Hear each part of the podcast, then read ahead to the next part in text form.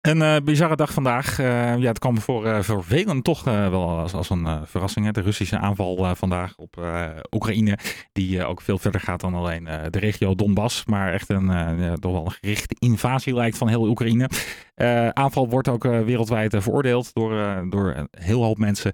En strengere sancties tegen Rusland die zijn ook in de maak. Um, Artjan Langendijk, die is eigenaar van een eh, reisbureau, een Heemsteeds reisbureau dat uh, gespecialiseerd is in reizen richting uh, Oekraïne. Artjan, uh, goedemiddag. Goedemiddag. Ja, hoe, Hallo. Hoe, hoe zit jij te kijken naar al dat nieuws van de afgelopen uren, dagen? Ehm, nou, met afgrijzen, denk ik, zoals de meeste mensen. het zat er wel aan te komen, eerlijk gezegd. Dus een hele grote verrassing is het niet. Maar als je dan s ochtends wakker wordt en je leest het, dan eh, is het natuurlijk wel een enorme schok, dramatisch. Voor het land, voor de Oekraïners, uh, ik denk voor de hele regio. Ik heb inderdaad reisbureau op Oekraïne, Belarus, uh, ook op andere landen trouwens, in Centraal-Azië. Maar Even kijken naar Oekraïne, Belarus. Ja. Uh, Belarus is trouwens ook betrokken bij deze oorlog, want de Russen zijn ook vanuit Belarus binnengetrokken. En ook vanuit daar zijn raketten afgevuurd. Dus Belarus is ook in oorlog met, Oekra uh, met Oekraïne. Dus ja, toerisme naar die twee landen zal uh, deze, dit jaar niet bestaan. Niet nee. bestaan. Ja. En, en, en wanneer was jij voor het laatst in, in, die, in die regio? Nou, ik was eigenlijk vlak voor de pandemie, uh, eind 2019, was ik juist in Oost-Oekraïne. Daar heb ik uh, notabene een, een, een reis uh, ontwikkeld, opgezet met lokale partners uit Kiev in, in Oost-Oekraïne. Niet in het Donbass-gebied, waar nu de, zeg maar, de, bezette gebieden, maar wel vlakbij, Kharkiv, Dnipro, iets daarvoor ook in Odessa. Dus daar juist een reisprogramma opgesteld. Maar ja, dit moment is dat natuurlijk niet aan de orde. Nee, nee. En, en heb jij... Belarus, Belarus voor het laatst in 2018, sorry. Oké. Okay, oktober ja. 2018 ronde voetbalwedstrijd Belarus-Nederland. En, en heb jij contact met mensen die, daar, die daar zitten?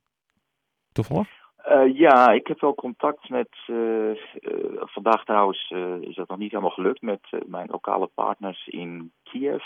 Ik zag dat de mail gebounced was. En over de app, gisteren voor het laatst, maar vandaag nog niet. Uh, dat is misschien ook lastig nu. Ik weet niet of internet daar nog goed werkt. Uh, in Belarus over de app soms contact, vandaag nog niets. maar ik weet wel uit de laatste dagen, berichten van de laatste dagen natuurlijk, dat we in grote spanning leven. En dat is nu alleen maar erger geworden. Ja, dat kan ik me goed voorstellen. En uh, jij, kent de regio, hè? De, niet alleen uh, uh, Belarus en Oekraïne, maar je, bent, je bent natuurlijk gespecialiseerd ook in de Kazachstan reizen bijvoorbeeld. Hè? maar de, ja, dit, dit conflict, ik weet niet of, of jij de, de, de hoe, hoe, hoe, wat, wat, hoe gaat dit aflopen? Heb je, heb je daar een idee bij? Is misschien een lastige nou, vraag, maar is, ja, het is natuurlijk een beetje koffiedik kijken. Ik begrijp dat de, volgens de Amerikanen, en eh, die lijken dat ze hun uh, intelligence goed op orde hebben, is, is Poetin zelf ook aan het improviseren. Maar goed, uh, twee doelen zijn wel duidelijk. En A, dat is om zeg maar de militaire infrastructuur van Oekraïne te vernietigen. Daar zijn ze hard mee bezig. En het lijkt er ook op dat ze een ander regime willen installeren in, in Kiev. Ja. En dat zal de komende dagen wel blijken. En ja, wanneer ze precies stoppen, uh, bezetting van het hele land is denk ik vrijwel onmogelijk. Uh, dus ja, het is moeilijk. Ja, nou, nou zijn er uh, harde sancties, worden er waarschijnlijk opgelegd. Denk je, denk je dat dat gaat helpen, dat Poetin daarnaar zal, zal luisteren? Dat ik denk, nou... Ehm, nou, misschien indirect. hij misschien nu nog niet. Maar uh, ik denk de enige manier om Poetin uh, misschien moeilijk te maken is als de Russische bevolking tegen hem durft in opstand te komen. En ja, ze worden natuurlijk nu ook onderdrukt. Dat is erg lastig. De oppositie is goed als opzij gezet. Maar goed, als je het land economisch hard treft, zullen de mensen het moeilijk krijgen. En, en de grootste van de Russen is ook tegen deze oorlog. En in Belarus is het dat ongetwijfeld nog groter uh, deel van de bevolking. Dus ja, die kunnen zich op een, op een gegeven moment, als het mogelijk is, tegen Poetin keren. En dus als, als indirect gevolg van de sancties. Ja, dus, dus jij zegt eh, het kan een, een optie zijn inderdaad om zo hard mogelijk economische sancties en dat soort dingen in te stellen.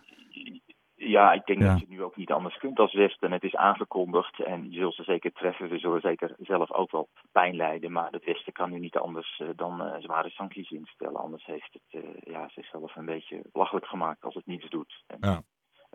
en helpen zal het zeker op een of andere manier. Ja dan, dan, dan even iets anders. Dit is natuurlijk uh, niks vergeleken met de, de situatie waar de mensen daarin zitten hoor. Maar voor jouw bedrijf is dit ook natuurlijk niet lekker. Hè? Kan, kan jij nog wel aan het werk eigenlijk? Nou, kijk, voor mij is het onderdeel Belarus en, en Oekraïne is, is maar een klein onderdeel. Centraal-Azië is, is veel belangrijker. Oezbekistan, Kyrgyzije, Kazachstan, dat trouwens dit jaar ook zijn deel van de problemen had. En uh, ja, dus dat zal misschien nu weer opstarten. We hebben natuurlijk de pandemie gehad, die nu hopelijk uh, bijna is afgelopen. Dus in die zin zou het toerisme weer kunnen opstarten.